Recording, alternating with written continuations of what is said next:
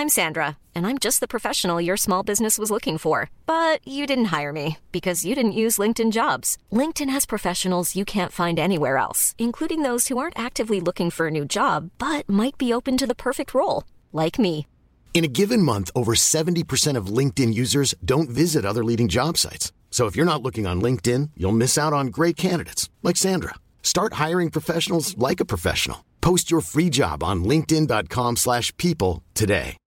Millions of people have lost weight with personalized plans from Noom, like Evan, who can't stand salads and still lost 50 pounds. Salads, generally, for most people, are the easy button, right? For me, that wasn't an option. I never really was a salad guy. That's just not who I am. But Noom worked for me. Get your personalized plan today at Noom.com. Real Noom user compensated to provide their story. In four weeks, the typical Noom user can expect to lose one to two pounds per week. Individual results may vary. Planning for your next trip? Elevate your travel style with Quince. Quince has all the jet setting essentials you'll want for your next getaway, like European linen, premium luggage options, buttery soft Italian leather bags, and so much more. And is all priced at 50 to 80% less than similar brands.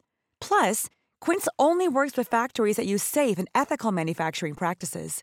Pack your bags with high-quality essentials you'll be wearing for vacations to come with Quince. Go to quince.com/pack for free shipping and 365-day returns.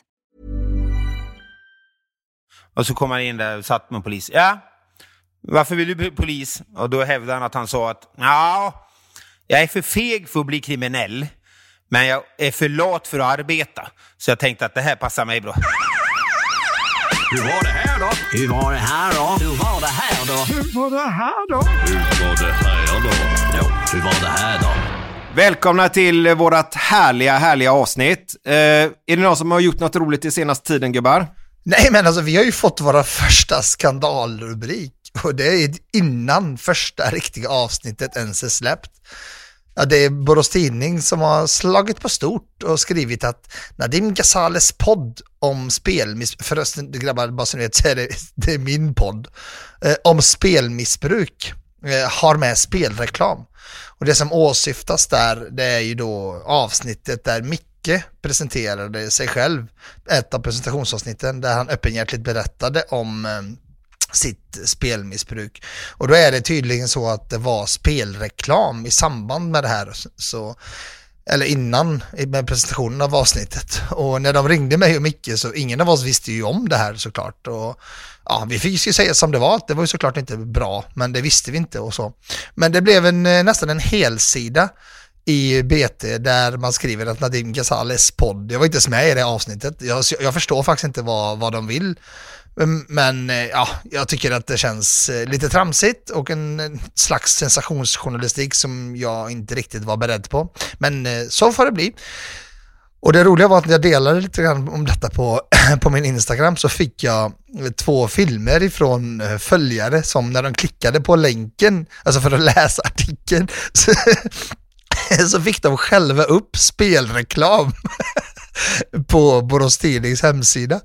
Alltså jag fattar ju hur reklam funkar, jag klandrar inte BT för det är algoritmer och grejer, det har ju inte de bestämt, men man hatar ju när man inte kan styra sin egen reklam och så försöker man framställa någon annan som någon slags hycklare och sen, ja, är det lite likadant åt andra hållet. Ah, ja, hur som helst, vi lärde oss eh, och, och av det, så det var väl nyttigt, fick lite reklam för podden. De använde en snygg bild på mig och podden fick bli min, så vi får väl, eh, det var det som hände i alla fall. Det var kul. Första skandalen då, det är stort. Ja, innan, innan första mm. avsnittet är släppt ändå. Mm. Bra start. Ja, men var det inte en annan grej också där, Nadde? Var, var det inte det att vi är ju bara, vi är ju fem män? Ja, det var fler som reagerade på den när jag delade den på mitt, eh, i mitt kommentarsfält på Facebook. Och det där tycker jag är intressant. Jag förstår ju invändningen. Eh, mm. Eller invändning. Jag förstår att den frågan kommer. Det var, det var inte så att vi var oförberedda på det. Men samtidigt, vad ska man göra liksom? Alltså om vi, är, om vi har en långgående relation som vi har byggt upp under fem år och vi allihopa råkar vara män. Eh, och inte bara män, vi, är ju dessutom medelålders också. Ännu värre. Ja, gud vad hemskt. Även och, jag nu för tiden. Mm, på väg upp i den övre medelåldern, vissa av oss. Ja. Nej, men det är en fråga. Men, men det, det tycker jag är faktiskt intressant. Jag då som tillhör en annan minoritet som är eh, eh, människor med annan etnisk bakgrund. Det är väldigt få människor som skulle fråga sig om det hade varit, eh, om, säg att ni hade varit fyra män och en kvinna i den här podden. Då tror jag inte någon kommentar hade fällt, eller inte lika många kommentarer och frågor frågat, ja, men var är invandrarna då? Det tror jag inte hade gjort. Så att, eh, det är intressant ett, ur ett annat perspektiv. Men hur som helst, det är som det är. Vi kan inte hjälpa dem vi är och den relationen som vi har byggt upp. Nej, Viktor, Ja. Viktor, har du gjort, eh, har det hänt något roligt för dig idag? Denna gången med? Nej, ekorrhjulet har rullat på. Eh, men jag har eh, passerat eh, 200 000 följare på Twitterkontot. Det är ju... Herregud! Det är ju en eh, imponerande Det är sjukt. siffra. Ja, och eh, sen kan man fundera på, jaha, det var det mest spännande som hände i ditt liv. Kul kille. Men eh, ja, jag, jag har ju faktiskt fyllt år också i veckan. Ja, Just det. Eh, jag har blivit 48 här. Eh, två år kvar innan man är riktigt på döhalvan. Vad fan säger du? Ja, jag har fyllt år. Jaha, ja, förlåt. Ja, du, du, har- Ja. du, är- du är med foten nere i, i graven. Ja, det är både knäna, fötterna och höfterna du, känns som Du ibland. klättrar på kanten, hänger där i. Ja. Eh, men eh, det har varit trevligt och då har jag eh, rökt en cigarr och vinterbadat och eh, druckit en gin och tonic och sådär. Firat mig själv när ingen annan gjorde det. Ja, vad härligt. Ja. Får, får bara ta en snabbis där. Får bara ta en snabbis där. Du sa 200 000 följare på Twitter. Mm. Och så jobbar man med barnen. De vill ju ha bekräftelse. Att ju mer följare, ju mer likes och sånt får de må, må, må bra och dåligt. Mm. Eh, hur funkar det för dig? Med, med mina barn? Nej, med, med ditt Twitterkonto. mår, mår, mår du bättre nu när du fick... Eh, Nej, det kan väl inte säga att jag mår bättre. Eh, men eh, ja, det är, en, eh, det, är en, det är en stor siffra bara att passera förbi, 200 000. Men det, Ja, det det. känns, känns lika eländigt som när det var 17 000 eller 400 eller något sånt. Men det är jäkligt stort. Fan, 200 000. Det är... Du Va- har jobbat på bra under är- många år. Vad, har du Peppe nu igen? Det? Ja, men nu fokuserar vi på dig Viktor. Ja, det är vill du som är den det viktiga. vara Det är du som är bra. Ja, men jag kan tänka att få, så folk får liksom kan relatera och jämföra. Få, få, Nej, vad kan jag ha? Jag tror att jag har en 35 000 kanske. ja. Så jag ligger ju liksom hästlängder bakom. Ja. Men eh, Karin Boye hade också många läsare. det, det var mycket Karin Boye här nu. Peppe, du har ju en historia med henne där. Och nu var det Göteborg som gjorde bort henne, enligt vissa då. Ja, men jag är så besviken att jag inte fick vara med på Melodifestivalen. Alltså, Ja, jag förstår det. Ja, det gjorde ju ont i hjärtat att sitta hemma och, och, och se på det här. Men eh, ja, framtiden. Det- Vi alltså, vet inte vad den bär det- med sig. Det hade varit en fröjd att se dig stående på, på, på scenen och läsa en dikt allvarligt från Karin Boye. Det hade varit magiskt. Det hade varit toppen på min karriär. Sen hade jag kunnat dra mig tillbaka och varit så otroligt nöjd. Ja, men du, vi kan inte bara spoila lite grann så här. Var, du och Karin Boye, ta, ta det bara snabbt där. Vad, vad har ni för historia? Vår historia är som så att eh, för några år sedan så eh, såg jag en tweet på sociala medier där en, eh, ett alias då bakom Karin Boye skrev någonting med att vi lever i ett övervakningssamhälle. Och jag tänkte inte igång. på det. Så då gick jag igång. Så jag gick ju in och svarade på det här. Och sen var drevet igång. Ja, nej men eh, det var intressant får jag säga. Men, Hon men svarade Karin inte på Boye- ditt eh, inlägg Nej. va? Alltså Karin Boye, Hur kommer hon, det sig? hon pikade på Twitter. Sluta nu, hon pikade på Twitter. Ingen har läst så mycket om henne någonsin under, ja, över tid absolut, men inte på en och samma eh, korta tidsperspektiv som då. Jag är skitnöjd och jag bjöd på det. Det var väldigt roliga kommentarer och bara, du, du vet att det är en död författare du sitter och läxar upp va? Typ det. Men vet man inte så vet man inte Peppe. Så enkelt är Jag det. vill, jag vill minnas Peppe att du ändå lite snyggt sen ställde upp på bild vid statyn av eh, Boje och eh, stod, väl där, Mm, stod, ja, men- ja, stod med en bok där och liksom tog till det av. Du bjöd verkligen på det, det, det hedrar dig. Ja men tack. Ja nej, men vi, vi hade ett samtal där och eh, pratade ut vad som hade hänt och sen så gick vi vidare och starka tillsammans framåt. Vad härligt, vad härligt. Martin då? Har det hänt något för dig? Nej, jag vet inte. Det känns som att man jobbar hela tiden. Eh, Det mesta, Ja. när vi ändå var inne på eh, att vi kände oss lite gamla så fick jag en sån riktig eh, käftsmäll i veckan här när i måndags så var det två nya aspiranter på utsättningen på morgonen som presenterar sig. Då får man dra lite så här, brukar vara en väldigt kort prestation. De brukar dra sin ålder av någon anledning. Så brukar alltid alla säga vad, hur gamla de är. Och då berättar ju eh, ena killen där att han var 21 år. Oj. Och det kändes lite tungt för att det är ju precis bara för några veckor sedan så var det 20 år sedan som jag började på polisskolan. Så att det var nästan svårt att greppa att, eh, att min eh, tjänsteålder är som hans ålder är typ. Det var lite tufft. Men du har ju en, Ja, given, du har en given kontring där bara, jo, jo, eh, okej, hur gamla är ni? Men frågan är, hur långa är ni? Exakt. Hur stora skor har ni? Ja, då blir det tyst i, i publikum. Jag ska ta den nästa gång. Nej, annars eh, så nej, bara mycket jobb, inget annat eh, spännande så faktiskt. Utan det rullar på, eh, gör det. Inget stort som hänt i Göteborg så snabbt bara. Ja, men det händer lite för mycket nu tycker jag. Det händer ju eh, både i omvärlden att det är oroligt som påverkar oss på jobbet och sen så händer det mycket liksom, tuffa, stora ärenden och sådär också. Så att, eh, nej, lite... Det är dessutom att det typ regnar hela tiden, förutom idag när det är något konstigt eh, sken eh, från himlen här. Men annars när det regnar hela tiden. Så just den här perioden är inte min favorit kan jag säga. Men du, vi går in på dagens fråga här nu då, och lyssnarfråga där. Men Nadim, vart ska Ja. man mejla om man har en fråga till oss? Man ska mejla. Det enklaste är om man har sociala medier så kan man med, hur lätt som helst gå in på våran, eh, på våran Instagram. Som, det är bara att skriva hur var det här då. Där finns en knapp på våran profil där det står e-post. Det är bara att klicka på den så kommer den upp. Annars är adressen hur var det har da at gmail.com.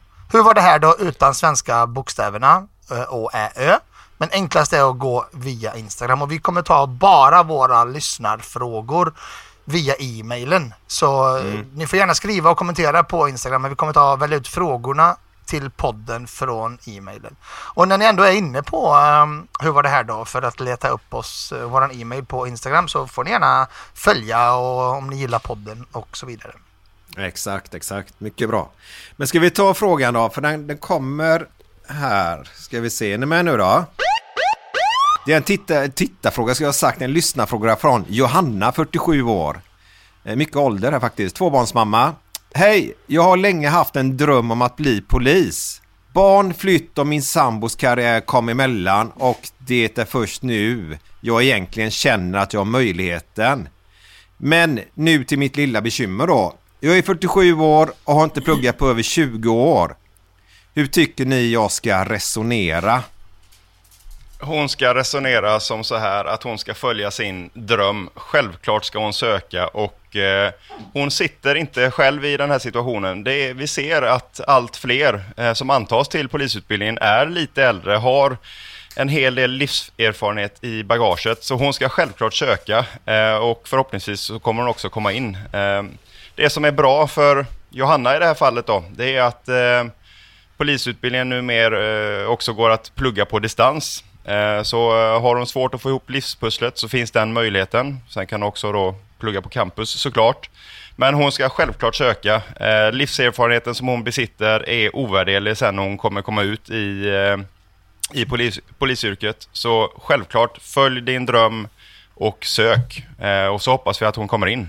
Vi behöver äldre, äldre kollegor och som Martin sa, en, en 21-åring kontra en 47-åring. Det finns mycket som, som de äldre har gratis. Självklart, sök. Kan ni förstå det ibland att, eh, jag måste bara fundera, kan ni, kan ni förstå det ibland att vi lever typ andras dröm? Att vi jobbar med det som många drömmer om och längtar efter att jobba med. Det har jag svårt att ta in ibland alltså. Och det känns inte så särskilt ofta.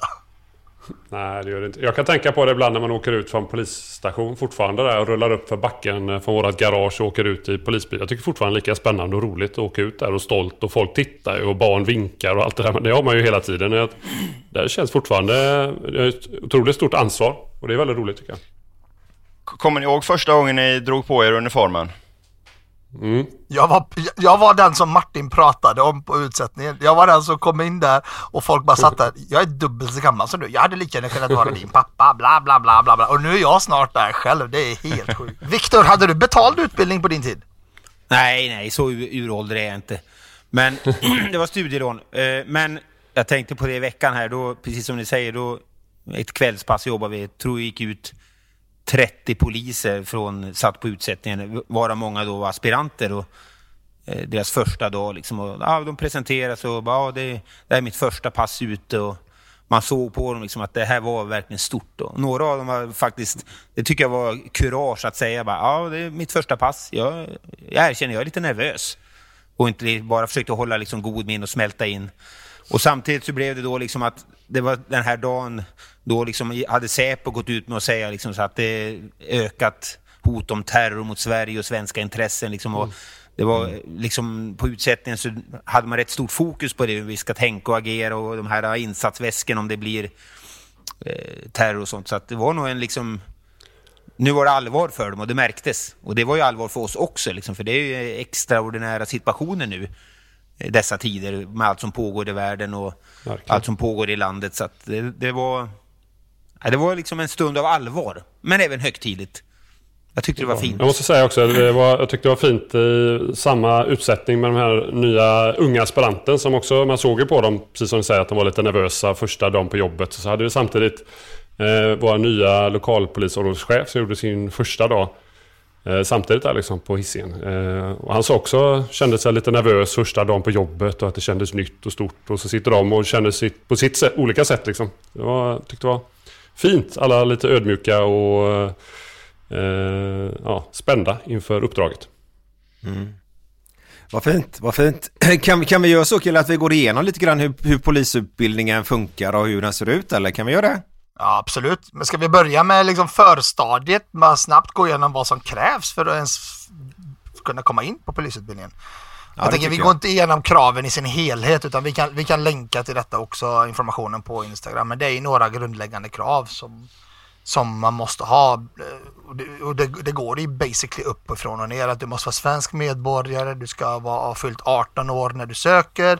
Du ska ha giltigt svenskt körkort och det gäller ifrån den dagen du påbörjar utbildningen. Vilket innebär att du behöver inte ha det när du söker. Utan du måste ha tagit det när du väl påbörjar utbildningen. Där dock, det tror jag ni alla håller med mig om, att det är bra att ha tagit det innan och också ha kört lite bil. För det har man också sett att där, de platserna där vi poliser skadar oss som mest är i trafiken och jag är själv ett sånt eh, exempel på detta. Sen har man lite olika behörigheter, det är lite, lite vad man ska ha pluggat och särskilda behörigheter. Och eh, det, det orkar vi, det går inte att gå igenom det och bena ut det på ett enkelt sätt så det får man klicka sig fram där. Man ska kunna simma, man ska utföra några fysiska krav, eh, styrka och kondition eh, och uppfylla vissa medicinska krav som också förändrades förra året där man nu inte längre säger bom stopp nej till människor med ADHD. Man ska klara en säkerhetsprövning och en, en psykolog, en ett, ett par psykologiska krav som utvärderas av en av en psykolog. Det är väl det som man måste klara av där Peppe, eller hur? Mm. Ja, men det, det är korthet, eh, precis som du säger. Och vi länkar ju här på vårt Instagramkonto eh, exakta krav och allting. Så, så vill man fördjupa sig där så eh, gå in på den länken. Och, och har man inte Instagram så sök på Bli polis eh, på nätet så eh, kommer man hitta ungefär samma information. Ni sa säkerhetskrav där, vad, vad menas med det? Ja, det, ja, nej, man, genom, man genomför en säkerhetsintervju. Jag Okej. jobbar även med det och hålla sådana säkerhetsintervjuer några veckor per år och det är ganska mycket frågor man får svara på helt enkelt. Familjeförhållanden, bakgrund, historia, kompisar, eh, saker som polisen då, eller polismyndigheten ska sedan utvärdera om man utgör ett hot, eller hur man anses vara lojal, om det finns några brister i, alltså någonting som kan användas mot dig, någon person som kan utpressa dig. Alltså det är egentligen för att minimera minimera riskerna för infiltration och otillåten påverkan och sådär hos polisen. Och det här är ju faktiskt rätt intressant för efter de där bröderna med ursprung i Iran som har åkt dit för ja, spionerat eh, på Säpo så verkar ju det här ligga komma i framtiden ligga till fat, i fatet för väldigt många andra människor med annan etnisk bakgrund och dubbla medborgarskap och ursprung någon annanstans ifrån. Eh, sådana som jag till exempel eh, kommer att få det tyvärr svårare att komma in på polisutbildningen av allt jag har läst att döma. Eh, nu håller man på att titta på det men det verkar bli så, tyvärr. Och det gör mig ledsen tycker jag för att man drar en alldeles för hård kam kring det här. Men det kan vi prata om lite mer en annan gång. Men det är i alla fall en säkerhetsintervju för att utvärdera lojalitet och eh, sårbarhet. Yes. Man kan konstatera att eh, rekryteringen har ändrats lite sen. Eh, det finns ju den här gamla som jag tror Viktor la ut. Med eh, rekryteringskampanj från 1900. Att en polisman ska vara stor, ståtlig och hiskelig och skåda. Det var den jag... eh, Jag tror jag läste någon som gammal när jag sökte där. Det var därför jag sökte. Eh, Jag, en finns, ja, jag vet en äldre kollega i Dalarna som, som hävdar att när han sökte polishögskolan då hade man gått in. Ja, gör här eh, 10 repetitioner i bänkpress på 50 kilo. Ja, så gjorde man det. Ja, bra. Nu, nu går du in i det här rummet och har intervju liksom. Och så kom han in där och satt med polis. Ja, varför vill du bli polis? Och då hävdade han att han sa att ja, jag är för feg för att bli kriminell. Men jag är för lat för att arbeta. Så jag tänkte att det här passar mig bra. och då, då hade den här tittat på honom och sen bara skakat på huvudet och skrattat och sa ja bra. Så att det var väl en icebreaker där men han hade kommit in här för att vara polis. Världsklass. Hur lång är en polisutbildning? There's never been a faster or easier way to start your weight loss journey than with PlushCare.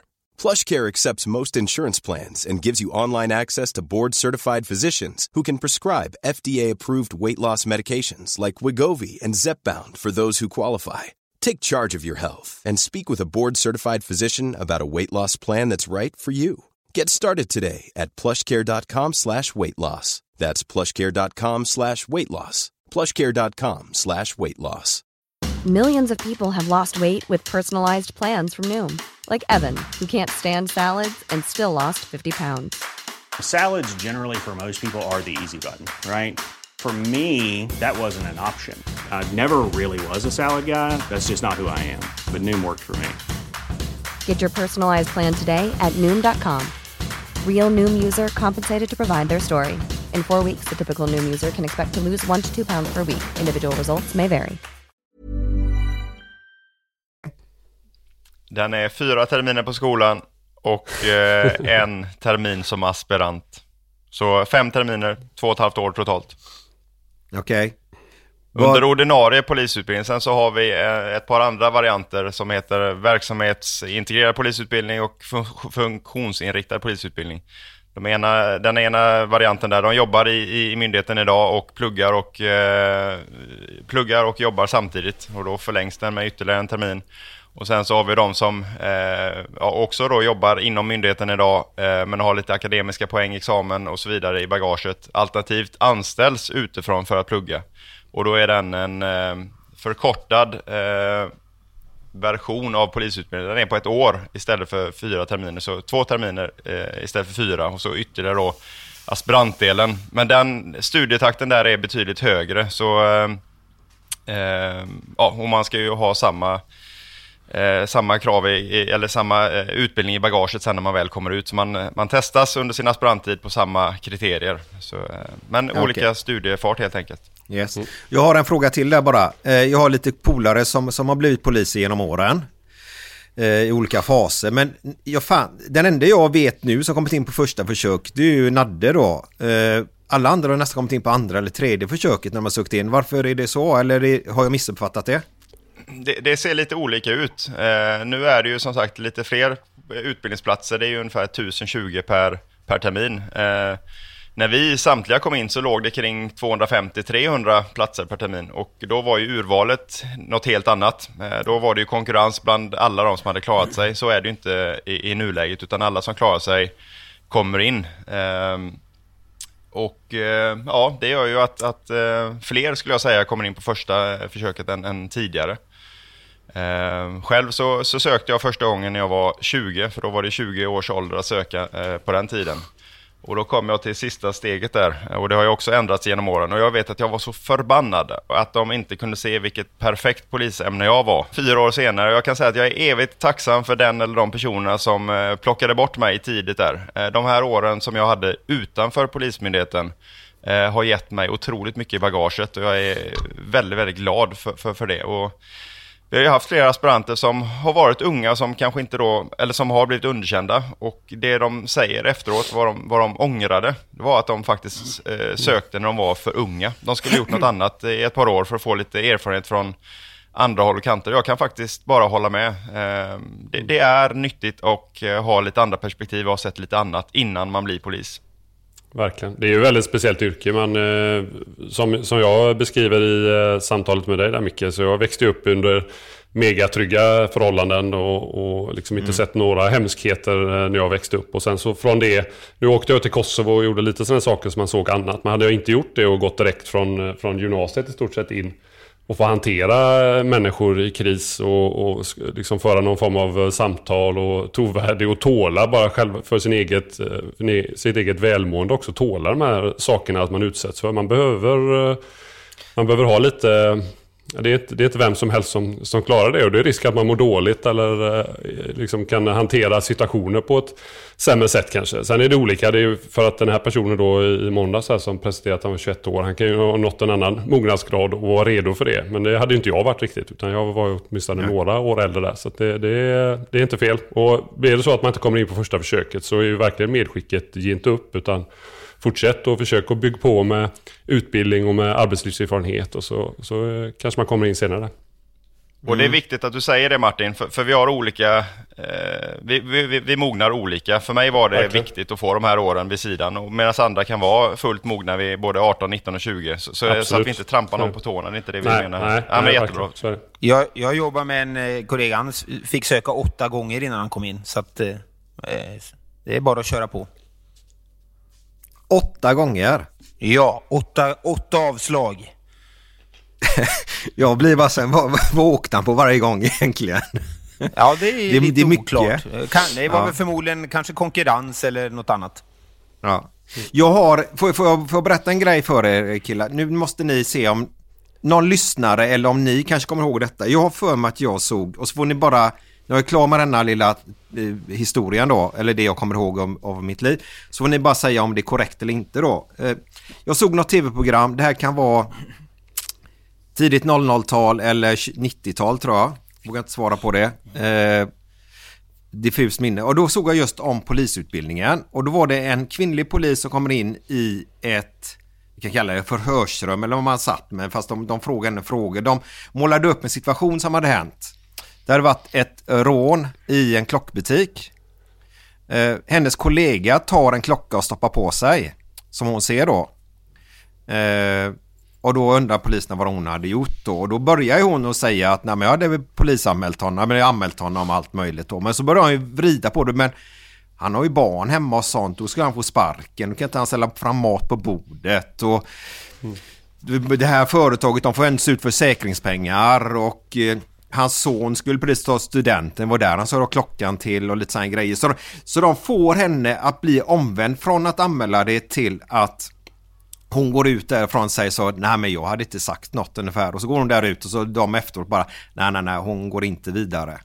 Mm. Eh, är det bara något jag har drömt detta eller kan jag ha sett det på tv? Ja, det kan du ha sett på tv. Det där är ett klassiskt moraliskt dilemma som eh, när jag sökte då fick man den där typen av frågor för att se hur man skulle hantera dem. Mm, jag med. Ja. Ja, jag, jag hade en kollega i min grupp som han satt på intervjun och då hade de målat upp scenariot. Ja, du kör bilen och kollegan sitter bak med, med en eh, frihetsberövad gripen då. Och de börjar tjafsa. Och så ser du att eh, kollegan eh, slår till honom i magen. Eh, vad, vad gör du? Ja, då hade han... Ja, slog han hårt eller? Då hade intervjuaren, då hade intervjuaren blivit förbannad så här, men det spelar väl för fan ingen roll. men, men han hade, blev i alla fall godkänd den kollegan då, så att han hade väl kunnat leverera ett, ett uh, svar. Men det var, skulle illustrera, det är, det är moraliska dilemman kopplat till mm. tjänsten som, som man ställs inför. Och så vill de ju höra att man inte är, är helt uppåt väggarna när man eh, resonerar kring de här frågorna då. Så. Ja. Precis. Vi gick igenom lite sånt på skolan också, jag ihåg. Det var rätt intressant när jag... Nej men eh, jag ska bara säga när jag sökte, jag jobbade ju som hanterare, källdrivare i sex, i sex år och kan säga testerna och de moraliska dilemmorna man fick ställas inför till den tjänsten. De kan jag tyvärr inte berätta om, men, eh, men någon gång kanske när man slutar vara polis eller sådär, när det har gått tillräckligt lång tid och allting har förändrats, så ska man, det är rätt intressant. Men det är också väldigt intressant vad det skapar hos en själv när man faktiskt fysiskt, inte bara mentalt, eh, kastas in i olika situationer som man bara får hantera på uppstuds. Eh, väldigt intressant, men eh, det är också en moraliska dilemman är också bra på det sättet för att det är väldigt svårt att ljuga sig fri från dem. Utan det kryper fram till slut vad du faktiskt tycker och var du står. Och det är kanske ibland så att det slängs in vid, eh, vid olika intervjuer. Eh, vilket Absolut. är bra. Och nu, vi hade ju en intern utbildning som alla skulle gå nu och då kommer det upp lite sådana grejer nu också som aktualiseras med eh, rabatter på gymkort som kan vara, eh, förekomma och eh, att man kan få någon dricka när man handlar mat på samma ställe hela tiden och sådär. Eh, Så det det Ja, finns ju hela tiden med där just med viktigt med polisyrket. Det är den där man ska klicka sig igenom. Jag, Mm, jag, jag har lite svårt från det webbaserade utbildningar. Liksom en, en, en schimpans kan ju klicka sig igenom dem och, och få rätt liksom. Ja men Ja. Det, det blir ju det lite det så att eh, hellre sådana här när man eh, med, yrkeshandledningar och sånt och man har ju med någon som man myndigheten ibland kostar på när man tar in någon utomstående som får arbetslaget att resonera och fundera kring ja, men eh, etik och kultur och, och det här. Det ger ju mer såklart än, än, det här, eh, än, än de här små scenarierna. Och så vet ni att, att eh, i, i lägget det är inget busskort. Nej, precis. Det vet alla och, och så svarar man rätt på den frågan. Liksom. Ja, det är bättre med det. är som du säger, vissa... eh, Det finns ju rätt bra information och utbildning i de paketen ibland, men själva frågorna sen, det blir ju som du säger på en schimpansnivå där. Det blir ju Ja, helt exakt. Tre, jag, jag, ja. jag säger så här, det, jag får nyansera mig. Det är ju ett bra... Informationspaketen är ju bra. Det är ju provet man kunde skippa. Liksom att Mm. Ja. man ska göra ett prov för att bli godkänd. Utan eh, det är istället att man har klickat i att man har tagit del sådär. Men provet då blir det lite så här löjets skimmer. Men informationsdelarna är bra gjorda, det ska sägas. Det var bra att du Ja. tog mig i örat där. Eh, Nej, men. För det är ju, nu skulle jag haft det framför sig här, men det finns ju, då kommer ju, det kommer någon fråga och så finns det tre svarsalternativ och, och eh, den som inte fattar vilket av de tre är rätt, den, är, den borde ju egentligen avskedas för att det är ju sån låg Ja, nivå på dem. Vad gör den, vad gör den polisen i, i kåren funderar man då på liksom, som, som, som inte klarar? ja, det, det är rätt uppenbart. Spontant så här, om vi pratar polisutbildningen, vad är det första ni tänker på eh, rent spontant, det roligaste som var med polisutbildningen? allt. Alltså de två åren var de, två av de absolut roligaste i hela mitt liv. Hela paketet. Jag känner mig ju, jag kom in på polisutbildningen egentligen inte för att jag drömde om det utan jag hamnade ju där för att jag sökte på chans. Och när jag väl kom dit så tänkte jag men det här kan bli rätt intressant. Men sen så som jag trivdes under de två åren, kompisarna, miljön, jag bodde på campus i Växjö. Alltså jag levde life. Perfekta kombinationen av, av teori och praktik och vänskap och nej det var helt underbart. Bästa Ja, det var, det var roligt. Ja, men det som, som vi kan lyfta också, det är ju just det här att man jobbar basgruppsvis. Man är ju eh, indelade i klasser om 24 eh, och så har man fyra basgrupper där man är sex i varje basgrupp.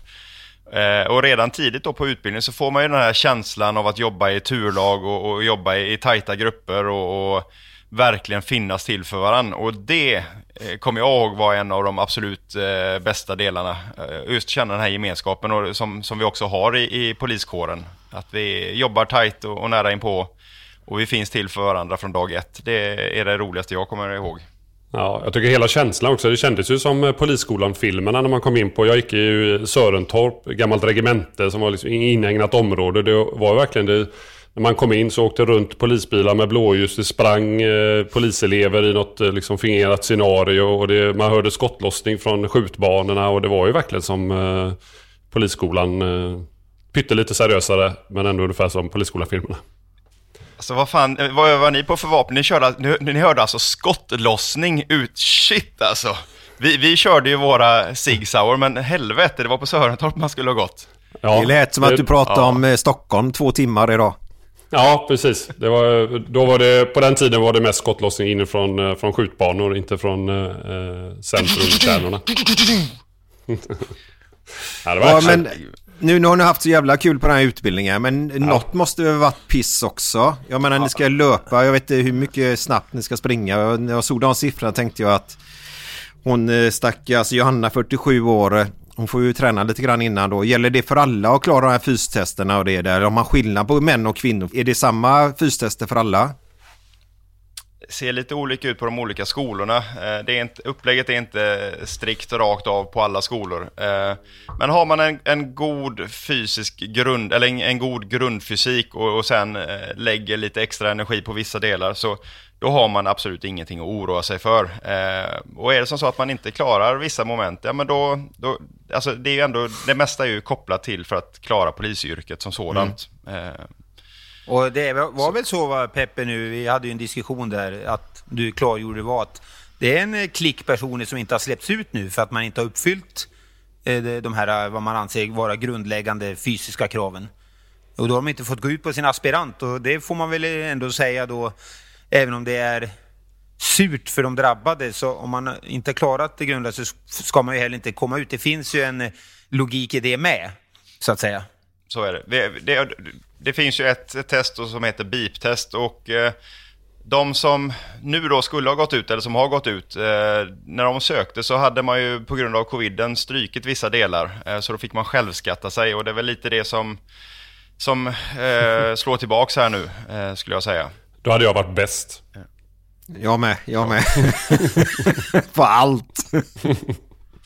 Men, eh, ja men det värsta då? Ja, exakt. Jag har ju en glasklar som var, som var värst för mig, men vad, vad säger ni? Civil... Nej, det var coolt, men civilrätt var fan ingen hit. Älskar civilrätt. Jag hade ångest i tre veckor. På riktigt ångest. Alltså jag har aldrig upplevt sån ångest. eh, Som Nej, det, jävla var, det var härliga alltså. tider. Jag älskar att, i att det momentet finns. Eh, men det roliga var med civilrätten att jag hatade det och, och det är den enda tentan som jag har fått VG på, på Polishögskolan. Så var det ju civilrätt. Annars så brukade jag, ja, annars brukade jag liksom har den här att ja, folk sprang ju där och fick bra betyg och hittade ditan och de var så duktiga och VG, och VG, polis, ja vad bra. Men eh, då brukar jag alltid säga liksom, jo jo, men det är sen, jag kommer att vara verklighetens VG. Ja. Verklighetens VG, inte en jävla skolprodukt som sitter och eh, kan leverera i, i, i, en provsal och, och svara eh, sakligt och korrekt, utan där ute, on the streets. Ödmjukhetens VG. Ja, ödmjukhetens VG.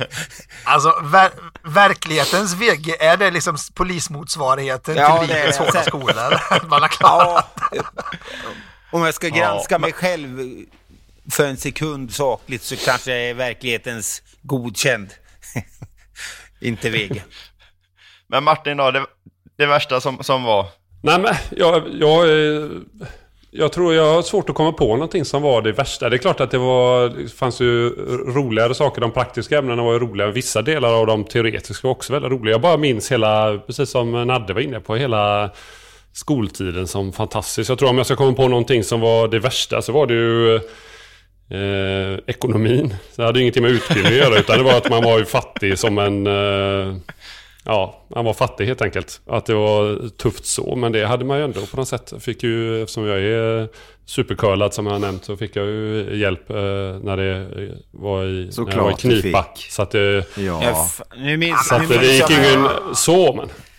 Ja, Nu ja, bryter vi här faktiskt. Nej, Nej men jag har var inget dåligt, det var bara roligt faktiskt. eh, Om man slår ut det. Sen är det lite som lumpen, man kommer ju bara ihåg det som var roligt. Så att det fanns ju såklart tillfällen när det var tråkiga saker och jobbiga grejer. Men eh, stora hela var det bara fantastiskt och härligt. Och man eh, längtade efter att komma ut i tjänst. Man fick det där studiebidraget och CSN där som, som räddade mig. Så jag kommer ihåg en gång, så gick vi ut på helgen, jag och fyra av kursarna och hamnade på Naglos vodkabar. Och på den tiden fick man röka cigarr. Hamnade. Jo, jo. Ja, och så tyckte jag, vad fan vad gött, jag ska bjuda dem på cigarr liksom. Köpte cigarr där inne i, i baren och bjöd runt där liksom. Och sen bara, dagen efter bara, vad fan? När jag såg kontot liksom, det var knäckt av de här cigarrerna liksom. Jag insåg, det här blir en blek månad. Det blir tungt liksom. Men jag hade ju ingen, eh, jag hade ingen kassako att ringa hemma liksom som andra, utan jag fick ju bita ihop och äta nudlar och det där liksom. Ja. Men var det ingen av er som ser tillbaks med fasa på pepparsprayen, OC'n? Nej, den Det var ju inte på skolan så, det var ju senare. Lugn nu, ja, lugn nu. Ja, Jaha, han, har, han är yngre ja. i tjänst såklart. Vi jobbade ju några år innan vi fick den. I, den tog jag på Hisingen. där. Ja, Ja, ja så exakt. är det ja. Ja. Men, men oss unga, Nadde, du körde väl OC'n på, på skolan? Jag körde sista terminen på skolan. Vi Rookies. gjorde, men vi gjorde, du gjorde väl också den riktiga va? Där man fick i Ja, båda ögonen. ett alltså, satan. Men det var inte så... Alltså visst gjorde den ont, men det var inte, det var inte Du, det är åtta resor värre. Jag, jag, jag blir ju helt utslagen av pepparspray. Jag, satan vad det gjorde ont. Och när jag skulle sanera den, det tog, det tog bra, det tog någon timme eller två. Eh, Jag var riktigt, jag var, jag var helt utslagen. Och sen glömmer aldrig, vi hade en, eh, en student som hette Martin. Han var sån här, ja men 38 år har jag för mig han var när vi pluggade. Sån riktigt jävla fysfenomen. Trots att han knappt eh, var på gymmet.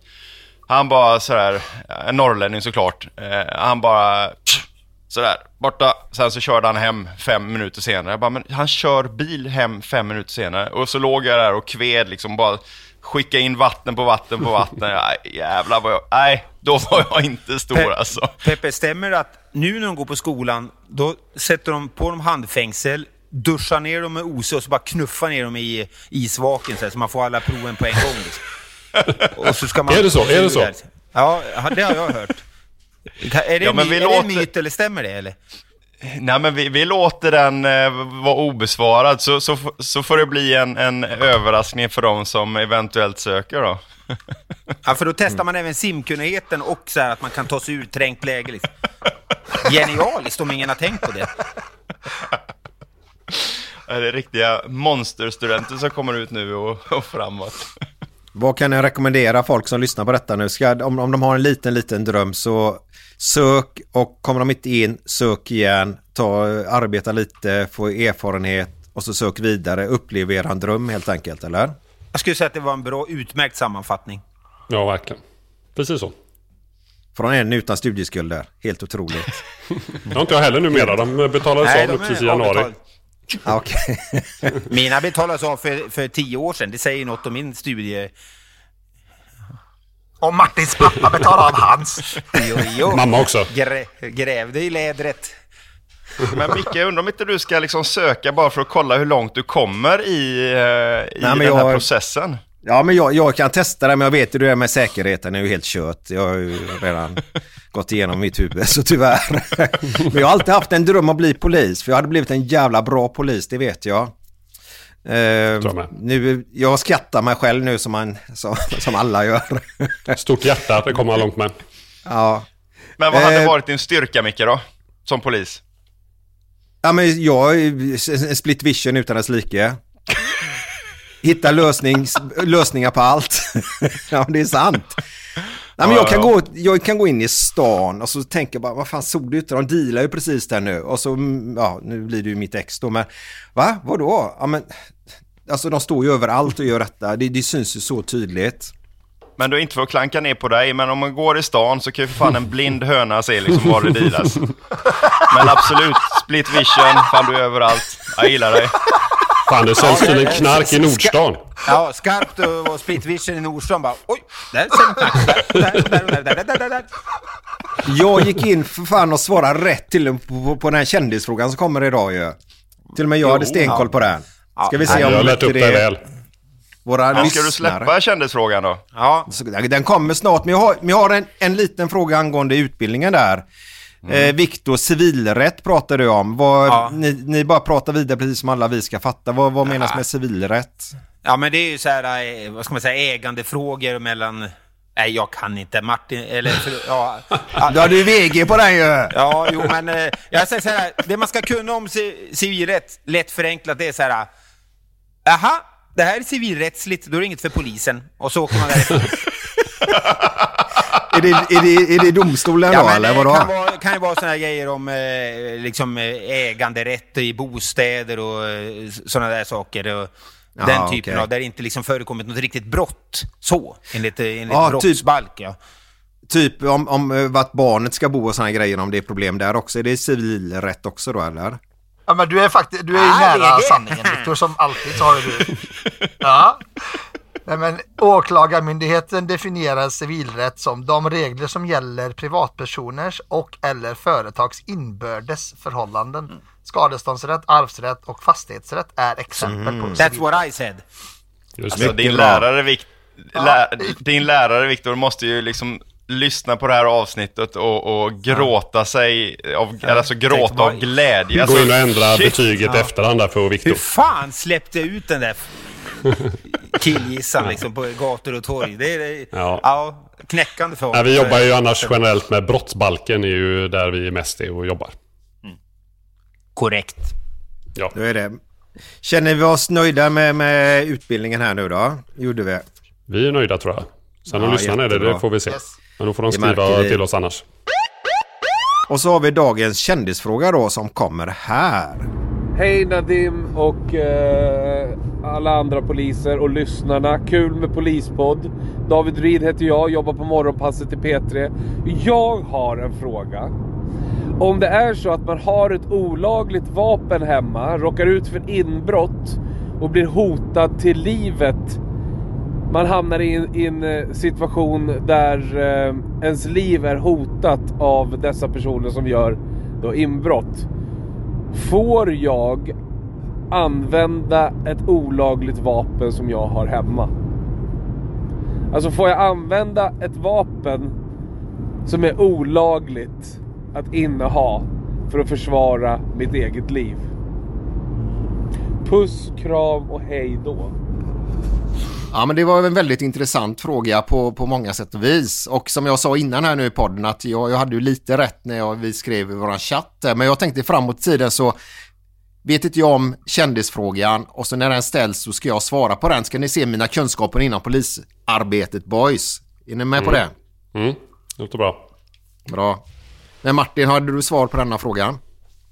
Ja men precis, det är en spännande fråga och eh, det är ju så med nödvärnsrätten, den är ju ganska stor. Om det är så att man utsätts för ett eh, livsfarligt angrepp så har man ju väldigt långtgående rätt att försvara sig. Och då kan man ju även vara att man eh, behöver skjuta en annan människa. Det är ju samma nödvärn som ofta polisen använder sig av eh, den lagstiftningen. När vi eh, behöver skjuta i tjänsten så är det ofta just nödvärn. Eh, och då Fungerar det så att själva, själva våldet kan vara helt eh, försvarligt och eh, det är ingenting som kommer vara någon till last bara för att, det är ett, eh, att man inte har rätt att ha vapnet. Däremot så, då, så kan det bli då att man bedömd för grovt vapenbrott. Men själva våldet man utövar, om det anses vara eh, lagligt och att man hade det, eh, var utsatt för sån nöd så att man hade rätt att använda nöden. Så Mm. blir det bara eh, vapenbrott helt enkelt. Eller grovt vapenbrott. Så, eh, så, eh, och det avgörs i domstol om det var... Ja precis, det går ju inte att säga. Det är ju alltid så här svårt att säga, säga innan. Utan det blir ju det är en bedömningssport eh, i rätten vad åklagare kan bevisa och hur försvaret och sen till slut vad, hur domstolen ser på det. Men, men Yes. generellt så, så är det liksom inte så hugget i sten att då åker man dit för, för allting eller för mord någonting. Utan det, det finns goda möjligheter att eh, klara sig där. Det har en liten, jag har en liten följdfråga där. Om man nu är hemma i sitt hem och det blir inbrott och folk kommer in. Hur ska jag som privatperson, hur ska jag agera? Vad bör jag tänka på? För, för det, det måste vara en bland de värsta situationerna som kan uppstå eh, för en egentligen. När man ligger där med sina barn och sover och så kommer det in folk i, i sitt hus, lägenhet eller vart man nu bor Här. Ja. ja, det är ju... Eh, det är återigen en sån fråga som det beror lite på. Det bästa egentligen skulle jag rekommendera det är att sätta sig själv och de man har eh, Planning for your next trip? Elevate your travel style with Quince. Quince has all the jet setting essentials you'll want for your next getaway, like European linen, premium luggage options, buttery soft Italian leather bags, and so much more. And is all priced at 50 to 80% less than similar brands. Plus, Quince only works with factories that use safe and ethical manufacturing practices. Pack your bags with high-quality essentials you'll be wearing for vacations to come with Quince. Go to quince.com pack for free shipping and 365-day returns. Eh, liksom i sin närhet där i, i säkerhet. Eh, för man vet inte vad det är för person som tar sig in. Om det är någon, helt, någon person som är ute efter en själv eller att det är någon galen person. Och, och ibland när det sker att någon försöker göra motstånd. Det sker ju både i butiker och i hemma när någon eh, liksom eh, går till försvar mot en angripare. Då kan ju den angriparen kanske vara beväpnad med kniv och, och bara för att man blir angripen för att själv komma därifrån, komma loss, eh, använda våld. Så att, så att det säkraste är ju att försöka ta sig säkerhet och sen larma liksom 112 såklart. Eh, och sen inte försöka ingripa själv. Sen får man ju var och en göra en bedömning. Det kan ju vara att man, man känner att man har ett övertag och att man kan lösa det här på ett eh, bra sätt. Eh, Så, är det ju, eh, så kan ju det vara bra. Men generella rekommendationen ska jag säga är att inte ingripa själv utan larma och låt polisen hantera det. Nej, och det här är också en sån fråga. Ställ, ställ samma fråga till tio olika poli- poliser och du kommer få tio olika svar. Ehm, Ja, så så det är är ju väldigt svårt. Det är ju situation till situation och från person till person. Men att, att föra lite väsen på ovanvåningen till exempel kan ju få folk till att, eh, eller inbrottstjuvar då, till att faktiskt fly. Ehm, och sen kan du ta en annan vändning att de går till attack istället. Så man vet ju aldrig, det, det är omöjligt att svara på. För, nu blir, kommer jag att tänka på när jag var aspirant och eh, vi var ute och agerade och det blev lite stökigt. Och då tyckte vi instruktören att vi hade varit lite för passiva. Så när han skulle ge oss eh, feedback efter så sa han så här. Ja, ni gjorde helt rätt.